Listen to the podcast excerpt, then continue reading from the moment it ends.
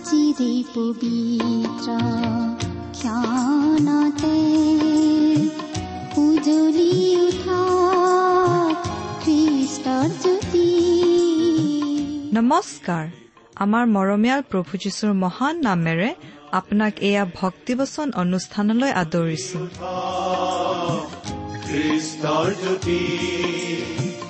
আকাশ বতাহ মুখৰিত কৰি গাঁও হাবে মিলি গীতি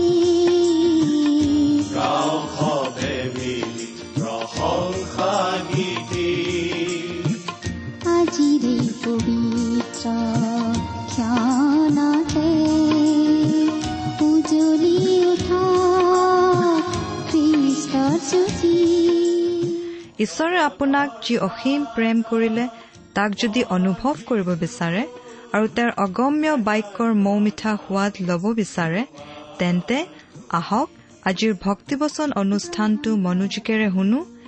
এয়া আপোনালৈ আগবঢ়াইছো ঈশ্বৰৰ জীৱন্ত বাক্যৰ অনুষ্ঠান ভক্তিবচন। আমাৰ পৰম পবিত্ৰ প্ৰভু যীশুখ্ৰীষ্টৰ নামত নমস্কাৰ প্ৰিয় শ্ৰোতা। আশা কৰো মহান পিতা পৰমেশ্বৰৰ মহান অনুগ্ৰহত আপুনি ভালে কুশলে আছে। আপুনি আমাৰ এই ভক্তিপচন অনুষ্ঠানটো নিয়মিতভাৱে শুনি আছে বুলি আশা কৰিছো। আপোনালোকৰ মতামত আদি জনাই আমালৈ মাজে সময়ে চিঠি পত্ৰ লিখি আছে বুলিও আমি আশা কৰিছো। যদিহে লিখা নাই অনুগ্ৰহ কৰি আজিয়ে দুখাৰিমান লিখি পঠিয়াওকচোন। আমাৰ ঠিকনা ভক্তিবচন টি ডব্লিউ আৰ ইণ্ডিয়া ডাক বাকচ নম্বৰ সাত শূন্য গুৱাহাটী সাত আঠ এক শূন্য শূন্য এক। ভক্তিবচন T W R India post box number seventy Guwahati seven eight one. Zero' zero' one আমাৰ website W W W dot radio' eight eight two dot com প্ৰিয় শ্ৰোতা আপুনি বাৰু আমাৰ এই ভক্তিবচন অনুষ্ঠানটো নিয়মিতভাৱে শুনি আছেনে আমি বাৰু এতিয়া বাইবেলৰ কোনখন পুস্তকৰ অধ্যয়ন কৰি আছো আপোনাৰ মনত আছেনে আমি আজি কিছুদিনৰ পৰা বাইবেলৰ পুৰণি নিয়ম খণ্ডৰ জোনা ভাৱবাদীৰ পুস্তক নামৰ পুস্তকখন অধ্যয়ন কৰি আছো। নহয় জানো? যোৱা অনুষ্ঠানটো শুনিছিল নে বাৰু আপুনি? যোৱা অনুষ্ঠানত আমি বাৰু কি আলোচনা কৰিছিলো? যোৱা অনুষ্ঠানত আমি এই জোনা ভাৱবাদীৰ পুস্তকৰ দুই নম্বৰ অধ্যায়ৰ দুই নম্বৰ পদটোকে লৈ আলোচনা আগবঢ়াইছিলো। নহয় জানো? আমি এটা কথা বিশেষভাৱে আলোচনা কৰিছিলো যে জোনা ভাৱবাদীয়ে মাছৰ পেটত সোমোৱাৰ সময়ত প্ৰাৰ্থনা কৰিছিল আৰু ঈশ্বৰে সেই প্ৰাৰ্থনা শুনিছিল। মাছৰ পেটৰ ভিতৰত জোনাৰ মৃত্যু হৈছিল। কিন্তু সেই মৃত অৱস্থাৰ পৰা ঈশ্বৰে জোনাক আকৌ জীয়াই তুলিছিল। মাছৰ পেটৰ ভিতৰত হয়তো জোনাক ঈশ্বৰে জীয়াই ৰাখিব পাৰিলেহেঁতেন স্বাভাৱিকভাৱে। সেইটো হয়তো একো অলৌকিক ঘটনা নহলহেঁতেন। কাৰণ তেনেদৰে মাছৰ পেটৰ ভিতৰত সোমাই কিছু সময়ৰ বাবে বা দুই এটা দিনৰ বাবে জীয়াই থকা মানুহৰ উদাহৰণ আমি পঢ়িবলৈ পাওঁ কিছুমান কিতাপত। কিন্তু ঈশ্বৰে জোনাক তেনেদৰে মাছৰ পেটৰ ভিতৰত জীয়াই ৰাখিবও পাৰিলেহেঁতেন। কিন্তু জোনাক ঈশ্বৰে মাছৰ পেটৰ ভিতৰত মৃত্যু হবলৈ এৰি দি সেই মৃত অৱস্থাৰ পৰা পুনৰ জীয়াই তুলিছিল। কাৰণ সেইটোহে প্ৰকৃত অলৌকিক কাৰ্য।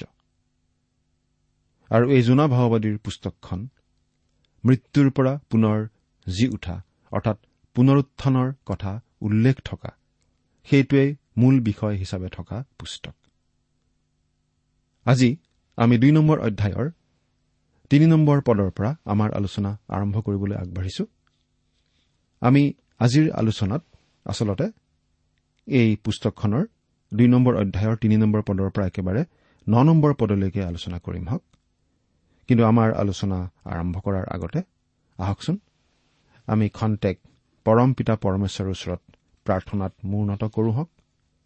আমি প্ৰাৰ্থনা কৰো হে সৰগ নিবাসী মহান ঈশ্বৰ আপোনাৰ অতি পবিত্ৰ নামত ধন্যবাদ জ্ঞাপন কৰি আপোনাৰ জীৱিত পবিত্ৰ বাক্যৰ আজিৰ এই অধ্যয়নত আপোনাৰ আশীৰ্বাদ প্ৰাৰ্থনা কৰিছো হে প্ৰভু।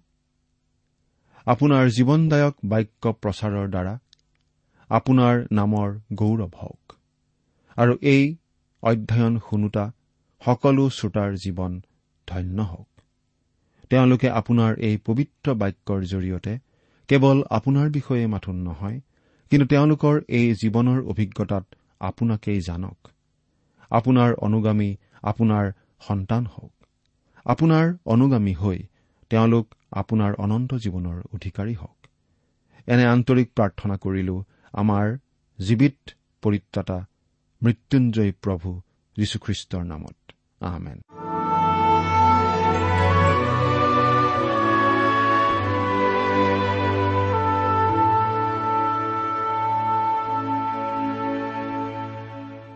প্ৰিয় শ্ৰোতা আমি ইয়াৰ আগৰ অধ্যয়নতেই দুই নম্বৰ অধ্যায়ৰ দুই নম্বৰ পদ অৰ্থাৎ তেওঁ কলে মোৰ দুখৰ কাৰণে মই জিহুৱাৰ আগত প্ৰাৰ্থনা কৰিলো। তাতে তেওঁ মোক উত্তৰ দিলে মই চিউলৰ ভিতৰৰ পৰা কাটৰোক্তি কৰিলো। তুমি মোৰ স্বৰ শুনিলা। এই পদটি অধ্যয়ন কৰিলো। এতিয়া আমি তাৰ পিছৰ পদৰ পৰা চাই যাম তিনি নম্বৰ পদৰ পৰা। আপোনাৰ হাতত যদি বাইবেলখন আছে অনুগ্ৰহ কৰি মেলি ল'ব। আৰু যদিহে আপোনাৰ লগত বাইবেল নাই তেনেহলে আমি পাঠ কৰি দিলে অনুগ্ৰহ কৰি মন দি শুনি যাব। শাস্ত্ৰাংশখিনি অধ্যয়ন কৰাৰ আগতে আহকচোন আমি জোনা দুই নম্বৰ অধ্যায়ৰ তিনি নম্বৰ পদৰ পৰা ন নম্বৰ পদলৈকে গোটেই শাস্ত্ৰাংশখিনি একেলগে পঢ়ি যাওঁ। আমি পাঠ কৰি দিম। কিয়নো তুমি গভীৰ জল সমুদ্ৰৰ মাজত মোক পেলালা আৰু সাগৰৰ সোঁতে মোক বেৰিলে। তোমাৰ আটাই ঢৌ তোমাৰ আটাই তৰংগ মোৰ ওপৰেদি গ'ল। মই কলো মই তোমাৰ দৃষ্টিৰ পৰা আঁতৰ হলো। তথাপি মই তোমাৰ পবিত্ৰ মন্দিৰৰ ফাললৈ পুনৰাই চাম। মোৰ প্ৰাণৰ সংশয় হোৱাকৈ জলসমূহে মোক বেৰিলে। অগাধ জল মোৰ চাৰিওফালে হ'ল। সাগৰৰ বনবোৰে মোৰ মূৰ মেৰাই ধৰিলে। মই পৰ্বতবোৰৰ মূললৈকে নামি গলো। পৃথিৱীয়ে নিজৰ দাংবোৰেৰে মোক চিৰকাললৈকে বন্ধ কৰিলে।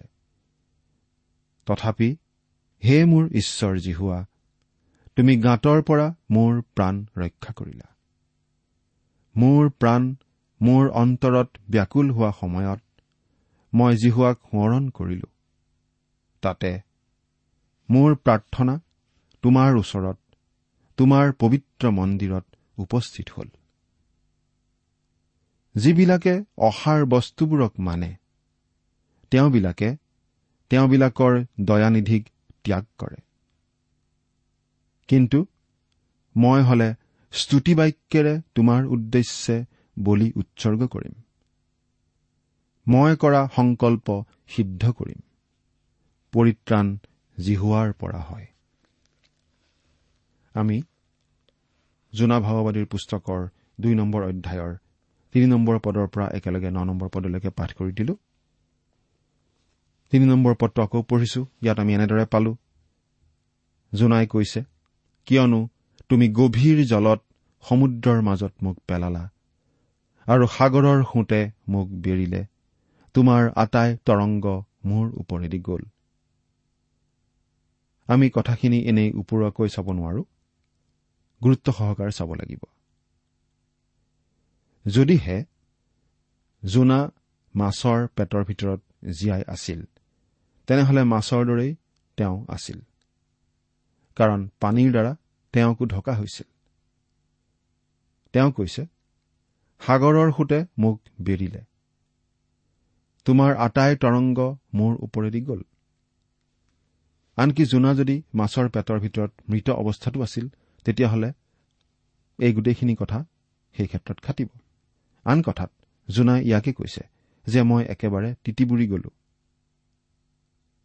আমি ভাবো জোনাই এইটো কবলৈ বিচাৰিছে যে তেওঁ একেবাৰে তিতি গ'ল। কিন্তু তেওঁ মাছৰ ভিতৰত জীয়াই আছিল নে নাই সেই বিষয়ে তৰ্ক কৰিহে আমি বেছিকৈ তিতিবুৰি যাওঁ নহয়নে বাৰু? কিন্তু আমি ভাবো যে ছয়তানেই আচলতে আমাক এনেধৰণৰ তৰ্কবিলাকত লিপ্ত কৰোৱাই যাতে আমি জোনাৰ মৃত্যুৰ পৰা পুনৰুত্থানৰ যি মহান সত্যতা সেই সত্যতা আমি পাহৰি যাওঁ। কাৰণ জোনা মাছৰ পেটৰ ভিতৰত জীয়াই থকাতকৈ মাছৰ পেটৰ ভিতৰত মৰি তিনিদিনৰ পিছত ঈশ্বৰৰ দ্বাৰা পুনৰ জিওৱা হোৱাটোহে বেছি অলৌকিক কথা। আৰু সেই কথাটোৱেই ঈশ্বৰে আমাৰ আগলৈ বাৰে বাৰে আনি আছে। চাৰি নম্বৰ পদত আমি পালো মই কলো মই তোমাৰ দৃষ্টিৰ পৰা আঁতৰ হলো। তথাপি মই তোমাৰ পবিত্ৰ মন্দিৰৰ ফাললৈ পুনৰাই চাম। মই কলো মই তোমাৰ দৃষ্টিৰ পৰা আঁতৰ হলো। আচলতে জোনাই মৃত্যুৰ বিষয়ে ইয়াত কৈ আছে। জোনাই বিশ্বাস কৰিছিল যে মৃত্যুৰ পৰা তেওঁক পুনৰাই তোলা হ'ব। তেওঁ পুৰণি নিয়মৰ বিধানমতেই চলিছিল আৰু আমি ভাবো যে উত্তৰ ৰাজ্যৰ বহুতো লোকৰ মাজত জোনাই এনে এজন লোক আছিল যিজনে বিশ্বাসীৰূপে জিৰচালেমলৈ নামি গৈ জিৰচালেমৰ মন্দিৰত আৰাধনা কৰিছিল। ইছৰাইলীয়া লোকসকলে জানিছিল যে চলোমন ৰজাই সজা জিৰচালেমৰ সেই মন্দিৰেই আছিল জীৱিত আৰু সত্য ঈশ্বৰক আৰাধনা কৰাৰ ঠাই। জোনাই কৈছে মই তোমাৰ পবিত্ৰ মন্দিৰৰ ফাললৈ পুনৰাই চাম। ঈশ্বৰে পুনৰাই মোক তুলিব। অৰ্থাৎ জোনাই ঈশ্বৰতেই ভৰসা কৰিছে। ঈশ্বৰে তেওঁক পুনৰাই জীয়াই তুলিব বুলি তেওঁ জানিছিল। পাঁচ নম্বৰ পদত আমি এনেদৰে পাওঁ। মোৰ প্ৰাণৰ সংশয় হোৱাকৈ জলসমূহে মোক বেৰিলে।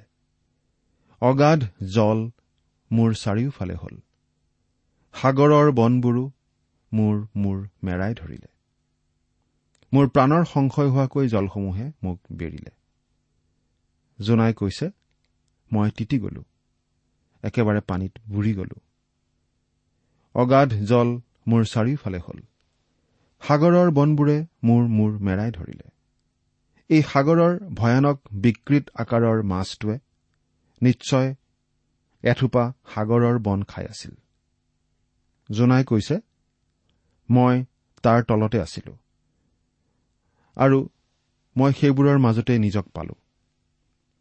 সেই বনবোৰে মোৰ মূৰটো মেৰাই ধৰিলে। সাগৰত এনেকুৱা কিছুমান বন পোৱা গৈছে যে প্ৰায় পঁচিছ ফুটমান দীঘল হ'ব। সেই মাছটোৱে নিশ্চয় একেবাৰে উদৰ পূৰ কৰি সেই বন খাই আছিল। তাৰ মাজতে জোনা সোমাই পৰিছিল। প্ৰিয় শ্ৰোতা আপুনি বাৰু ভাবেনে যে জোনাই বৰ আনন্দকৰ ঘটনা এটা বৰ্ণনা কৰি আছে। আমি হলে তেনেদৰে নাভাবো। আমি ভাবো যে তেওঁ আমাক এনেভাৱে কথাখিনি ক'ব বিচাৰিছে যে তেওঁ অগাধ তললৈ নামি গ'ল আৰু তেওঁ মৃত্যুৰ মুখলৈ সোমাই গ'ল। ছয় নম্বৰ পদ। মই পৰ্বতবোৰৰ মূললৈকে নামি গলো। পৃথিৱীয়ে নিজৰ দাংবোৰেৰে মোক চিৰকাললৈকে বন্ধ কৰিলে। তথাপি হে মোৰ ঈশ্বৰ জিহুৱা তুমি গাঁতৰ ক্ষয়ৰ পৰা মোৰ প্ৰাণ ৰক্ষা কৰিলা। মই পৰ্বতবোৰৰ মূললৈকে নামি গলো। পৃথিৱীয়ে নিজৰ দাংবোৰেৰে মোক চিৰকাললৈকে বন্ধ কৰিলে। এইটো সঁচাকৈয়ে বৰ মনোহৰ অনুবাদ। এনেকুৱা ধৰণেই আচলতে মৃত্যুৰ বৰ্ণনা কৰা হৈছিল। মৃত্যুৰ কথা বুজাবলৈ এনেদৰে কোৱা হৈছিল যে পৃথিৱীয়ে নিজৰ দাংবোৰেৰে মোক চিৰকাললৈকে বন্ধ কৰিলে। কাব্যিক ভাষাত এনেদৰেই কোৱা হৈছিল। জোনা ভাৱবাদীয়েও ইয়াত মৃত্যুৰ দাংবোৰেৰে বন্ধ হোৱাৰ কথাকেই কৈ আছে। আৰু আচলতে সেই ভাৱটোৱেই ইয়াত প্ৰকাশ পাইছে। তথাপি হে মোৰ ঈশ্বৰ জিহুৱা তুমি গাঁতৰ পৰা অৰ্থাৎ ক্ষয়ৰ পৰা মোৰ প্ৰাণ ৰক্ষা কৰিলা। ক্ষয় বা গাত মানে হ'ল মৃত্যু। পাচনি কৰ্ম দুই নম্বৰ অধ্যায়ৰ পঁচিছৰ পৰা একত্ৰিশ নম্বৰ পদলৈ যদি আমি চাওঁ তেতিয়াহ'লে আমি দেখিবলৈ পাম যে পাচনি পিতৰে পঞ্চাছদিনীয়া পৰ্বৰ দিনা এই শব্দ বৰকৈ ব্যৱহাৰ কৰিছিল। তেওঁ কৈছিল যে প্ৰভু যীশুৱে ক্ষয় বা গাত দেখা নাপালে। প্ৰভু যীশুৰ পক্ষে আচৰিত বিষয়টো হৈছে এইয়ে যে যেতিয়া প্ৰভু যীশুৰ মৃত্যু হৈছিল তেওঁ ক্ষয় দেখা নাপালে। তেওঁৰ শৰীৰৰ ক্ষয় নহল। তেওঁ পুনৰুত্থিত হ'ল। সেই পুনৰুত্থানৰ অভিজ্ঞতাটোৱেই জোনাৰ অভিজ্ঞতা। কিন্তু জোনাৰ অভিজ্ঞতা আৰু আমাৰ প্ৰভু যীশুখ্ৰীষ্টৰ অভিজ্ঞতাৰ অন্যতম পাৰ্থক্য এইটোৱেই ক্ষয় পোৱা নোপোৱাৰ বিষয়টো। জোনা যেতিয়া তিনিদিন তিনি ৰাতি মৃত অৱস্থাত মাছৰ পেটৰ ভিতৰত আছিল তেতিয়া স্পষ্টৰূপে তেওঁৰ শৰীৰৰ ক্ষয় হ'ব ধৰিছিল। তথাপি তুমি ক্ষয়ৰ পৰা মোৰ প্ৰাণ ৰক্ষা কৰিলা। আমি ভাবো এইটো জোনাৰ দ্বাৰা এটা খাটাং বৰ্ণনা যে তেওঁ মৰিল। কিন্তু ইয়াত আচৰিত কথাটো হৈছে জোনাৰ পুনৰুত্থান আৰু সেইটোৱেই এজন মানুহ মাছৰ ভিতৰত তিনিদিন জীয়াই থকাতকৈও অধিক আচৰিত বিষয়। আমি ভাবো পুৰণি নিয়মৰ এই জোনা ভাৱবাদীৰ পুস্তক নামৰ পুস্তকখনে আমাক যীশুখ্ৰীষ্টৰ পুনৰুত্থানৰ বিষয়ে শিকায়। আৰু এইটো অতি গুৰুত্বপূৰ্ণ কথা। পুনৰুত্থানৰ বিষয়টো হৈছে আমাৰ পৰিত্ৰাণৰ দুটা স্তম্ভৰ এটা স্তম্ভ যাৰ ওপৰত খ্ৰীষ্টীয় মণ্ডলী ভৰ দি আছে। খ্ৰীষ্টীয় মণ্ডলী ভৰ দি থকা স্তম্ভ দুটা কি কি? প্ৰভু যীশুখ্ৰীষ্টৰ মৃত্যু আৰু প্ৰভু যীশুখ্ৰীষ্টৰ পুনৰুত্থান। এয়ে সেই দুই স্তম্ভ। এই দুয়োটা বিষয়েই পুৰণি নিয়মত আমি পাওঁ। আৰু যীশুৰ পুনৰুত্থানৰ এই পুস্তকেই উদাহৰণ। সাত নম্বৰ পদত আমি এনেদৰে পাইছিলো মোৰ প্ৰাণ মোৰ অন্তৰত ব্যাকুল হোৱা সময়ত মই জিহুৱাক সোঁৱৰণ কৰিলো। তাতে মোৰ প্ৰাৰ্থনা তোমাৰ ওচৰত তোমাৰ পবিত্ৰ মন্দিৰত উপস্থিত হ'ল। প্ৰিয় শ্ৰোতা আমি ভাবো এই পদটোৰ স্বাভাৱিক ভাঙনিটো এইয়ে। যে যেতিয়া মাছে জোনাক গিলিব ধৰিছিল তেতিয়া তেওঁ বৰ ভয় খাইছিল। তেওঁ নিজকে যেতিয়াই সেই মাছৰ টেঁটুৰ নলীৰ তললৈ গৈ থকা বুলি বুজিব পাৰিলে তেতিয়াই তৎক্ষণাত তেওঁক উদ্ধাৰ কৰিবলৈ তেওঁ ঈশ্বৰলৈ কাটৰোক্তি কৰিলে। মোৰ প্ৰাণ মোৰ অন্তৰত ব্যাকুল হোৱা সময়ত জোনা কিজানি অচেতন হৈ পৰিব ধৰিছিল। আৰু কিজানি অচেতন হৈছিল মাত্ৰ পাঁচ মিনিটমানৰ ভিতৰতেই। কিন্তু তাৰ আগতেই তেওঁ এই প্ৰাৰ্থনা কৰিছিল। তেওঁ কৈছিল মই জিহুৱাক সোঁৱৰণ কৰিলো। সেই প্ৰাৰ্থনা তেওঁ তিনিদিনৰ পাছত কৰা নাছিল সেই মুহূৰ্ততেই কৰিছিল। তেওঁ জিহুৱাক সোঁৱৰণ কৰিছিল। তাতে মোৰ প্ৰাৰ্থনা তোমাৰ ওচৰত তোমাৰ পবিত্ৰ মন্দিৰত উপস্থিত হ'ল। অচেতন হৈ যোৱাৰ আগতে আৰু মৃত্যু তেওঁলৈ অহাৰ আগতে জোনাই তেওঁৰ প্ৰাৰ্থনা কৰি শেষ কৰিছিল। ইয়াত জোনাই এতিয়া এটা পৰ্যবেক্ষণ কৰিছে আৰু এইটো ঈশ্বৰৰ বাক্যত পোৱা এটা মহান নীতি। পদ। যিবিলাকে অসাৰ বস্তুবোৰক মানে তেওঁবিলাকে তেওঁবিলাকৰ দয়ানিধিক ত্যাগ কৰে। অসাৰ মানে হৈছে উদং অৱস্থা। অন্তঃসাৰ শূন্য অৱস্থা বা বিষয় বা বস্তু। যিসকল লোকে সকলো অসাৰ বুলি ভাবে সেইসকলক জোনাই ইয়াত কৈ আছে। সকলো অসাৰ বুলি ভবা সকলোকে এক সপোনৰ দৰে বুলি ভবা আৰু আগলৈ একো নহ'ব বুলি কোৱাসকলক জোনাই কৈছে যে তেওঁলোকে দয়া পাব পৰা জনকহে ত্যাগ কৰিলে। এতিয়া জোনাই কৈছে মই জীৱিত আৰু সত্য ঈশ্বৰক মাতিলো। মই ঈশ্বৰৰ হকে কৰিবৰ বাবে সঠিক কাৰ্য পাইছো। মই তেওঁলৈ দয়া প্ৰাৰ্থনা জনাইছো আৰু মই দয়া পালো। তেওঁ মোক দয়াৰে পৰিপূৰ্ণ কৰিলে। মই আচল বিষয় বুজি পালো। মই আৰু তেওঁৰ অবাধ্য নহওঁ। মই তেওঁৰেই বাধ্য হৈ তেওঁৰেই কাম কৰিম। জোনাই ঈশ্বৰলৈ ক্ৰদন কৰিছিল আৰু এতিয়া তেওঁ তেওঁৰ কৃতজ্ঞতা দেখুৱাই আছে। ন নম্বৰ পদ। কিন্তু মই হলে স্তুতি বাক্যেৰে তোমাৰ উদ্দেশ্যে বলি উৎসৰ্গ কৰিম। মই কৰা সংকল্প সিদ্ধ কৰিম পৰিত্ৰাণ জিহুৱাৰ পৰা হয়। কিন্তু মই হলে স্তুতি বাক্যেৰে তোমাৰ উদ্দেশ্যে বলি উৎসৰ্গ কৰিম। প্ৰিয় শ্ৰোতা যেতিয়া মাছে জোনাক শুকান ভূমিত উকুলিয়াই দিছিল তেওঁৰ মন হৃদয় আৰু জীৱনত ধন্যবাদেৰে পৰিপূৰ্ণ হৈছিল। আমাৰ ক্ষেত্ৰতো তেনেকুৱাই হলহেঁতেন নিশ্চয়। সেই সময়ত তেওঁ এক খেলিমেলি অৱস্থাত আছিল।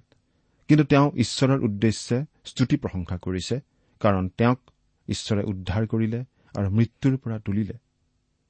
মই কৰা সংকল্প সিদ্ধ কৰিম।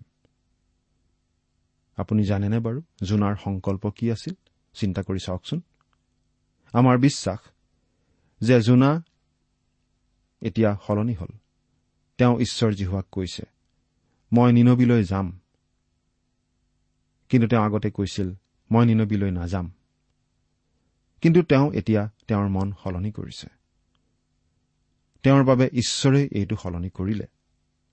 আৰু তেওঁ এতিয়া এটা সংকল্প কৰিছে যে তেওঁ নিনবিলৈ যাব। এনেদৰেই ঈশ্বৰ জিহুৱাই আমাৰ বহুতকে পৰিচালনা কৰে। আজি বাৰু প্ৰভুৱে আপোনাক সলনি কৰিব বিচাৰেনে? নিশ্চয় বিচাৰে যদিহে আপুনি তেওঁৰ ইচ্ছাৰ বিপৰীতে গৈ আছে। প্ৰিয় শ্ৰোতা জোনাই যেনেকৈ কৈছিল প্ৰভু মই নিনবিলৈ যাম আৰু মই সেইটোকে কৰিম। তেনেদৰে আমিও আমাক ঈশ্বৰে দিয়া কাম বা দায়িত্ব নিশ্চয় পালন কৰিবলৈ সংকল্প ল'ব লাগিব। জোনাই যেনেকৈ সংকল্প কৰি কৈছিল তেনেদৰে সংকল্প লৈ আপুনিও কবনে প্ৰভু মই হেৰুৱা আত্মাৰ মাজলৈ যাম আৰু মই সেইটোকেই প্ৰচাৰ কৰিম যিটো আপুনি মোক প্ৰচাৰ কৰিবলৈ দিছে। ন নম্বৰ পদৰ শেষৰ পিনে কৈছে পৰিত্ৰাণ জিহুৱাৰ পৰা হয়। আমাৰ মতে জোনা পুস্তকখনত এই বাক্য বা উক্তিয়েই আটাইতকৈ দৰকাৰী বিষয়। অতি দৰকাৰী বিষয়। কথাটো লক্ষ্য কৰকচোন তেওঁ কি কৈছে? মই কৰা সংকল্প সিদ্ধ কৰিম। পৰিত্ৰাণ জিহুৱাৰ পৰা হয়। তেওঁ পৰিত্ৰাণৰ কথা কৈ আছে। পৰিত্ৰাণ হৈছে আমাৰ বাবে ঈশ্বৰে কৰা কাম। পৰিত্ৰাণ ঈশ্বৰৰ বাবে মানুহে কৰিব লগা কাম নহয়। আমাৰ কাৰ্যবোৰৰ দ্বাৰা ঈশ্বৰে আমাক ৰক্ষা কৰিব নোৱাৰে কাৰণ আমি ঈশ্বৰক দোষহে দিব পাৰিম আৰু আমাৰ পাপহে আমাৰ লগত আছে আৰু ঈশ্বৰে দোষী লোকক গ্ৰহণ নকৰে। আমি নিৰ্দোষীৰূপে তেওঁলৈ একো আগবঢ়াবলৈ সক্ষম নহয়। সেয়েহে আপুনি যদি পৰিত্ৰাণ পাইছে তাৰ কাৰণ এইয়ে যে পৰিত্ৰাণ ঈশ্বৰ জিহুৱাৰ পৰাহে আপুনি পাইছে। ঈশ্বৰৰ পৰাহে আমি সেই দান পাওঁ। পৰিত্ৰাণক আমি তিনিটা কালত ভগাব পাৰো। মই পৰিত্ৰাণ পালো। অতীতকাল। মই পৰিত্ৰাণ পাই আছো বৰ্তমান কাল। মই পৰিত্ৰাণ পাম ভৱিষ্যৎকাল পৰিত্ৰাণ আদিৰে পৰা অন্তলৈকে একমাত্ৰ ঈশ্বৰৰে কাৰ্য। মই পৰিত্ৰাণ পালো অতীতকাল। প্ৰভু যীশুখ্ৰীষ্টই কৈছিল জোহন পাঁচ অধ্যায় চৌব্বিছ পদত মই তোমালোকক অতি স্বৰূপকৈ কওঁ যিজনে মোৰ কথা শুনি মোক পঠোৱা জনাত বিশ্বাস কৰে সেইজনৰ অনন্ত জীৱন আছে। যি মুহূৰ্তত আপুনি খ্ৰীষ্টত বিশ্বাস স্থাপন কৰে সেই মুহূৰ্ততেই আপুনি অনন্ত জীৱন লাভ কৰে। যদি ইতিমধ্যে আপুনি বিশ্বাস স্থাপন কৰিলে আপুনি অনন্ত জীৱন পালে। সেইটোৱেই অতীত কালত হৈ যোৱা এটা ঘটনা। দ্বিতীয়তে আমি পৰিত্ৰাণ পাই থাকো বৰ্তমান কাল। ফিলিপিয়া দুই অধ্যায় বাৰ আৰু তেৰ পদত আমি এনেদৰে পাওঁ অধিককৈ ভয় আৰু কম্পনেৰে নিজ নিজ পৰিত্ৰাণ সম্পন্ন কৰা কিয়নো ঈশ্বৰেই নিজৰ হিত সংকল্পৰ কাৰণে তোমালোকৰ অন্তৰত ইচ্ছা কৰা আৰু কাৰ্য সাধন কৰা এই উভয়ৰ সাধনকৰ্তা হৈছে।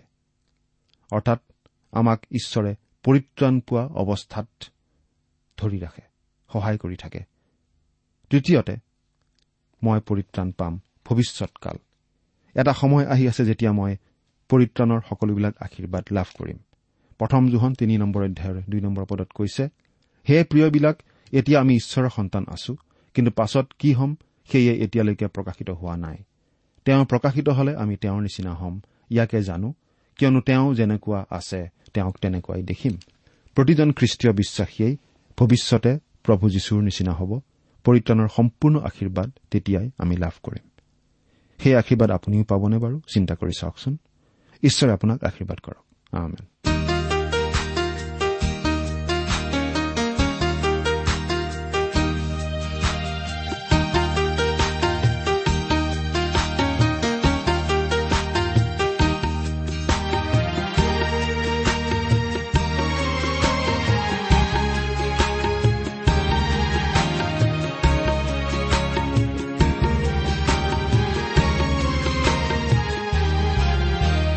প্ৰভু যীশু মোৰ পৰিত্ৰাতা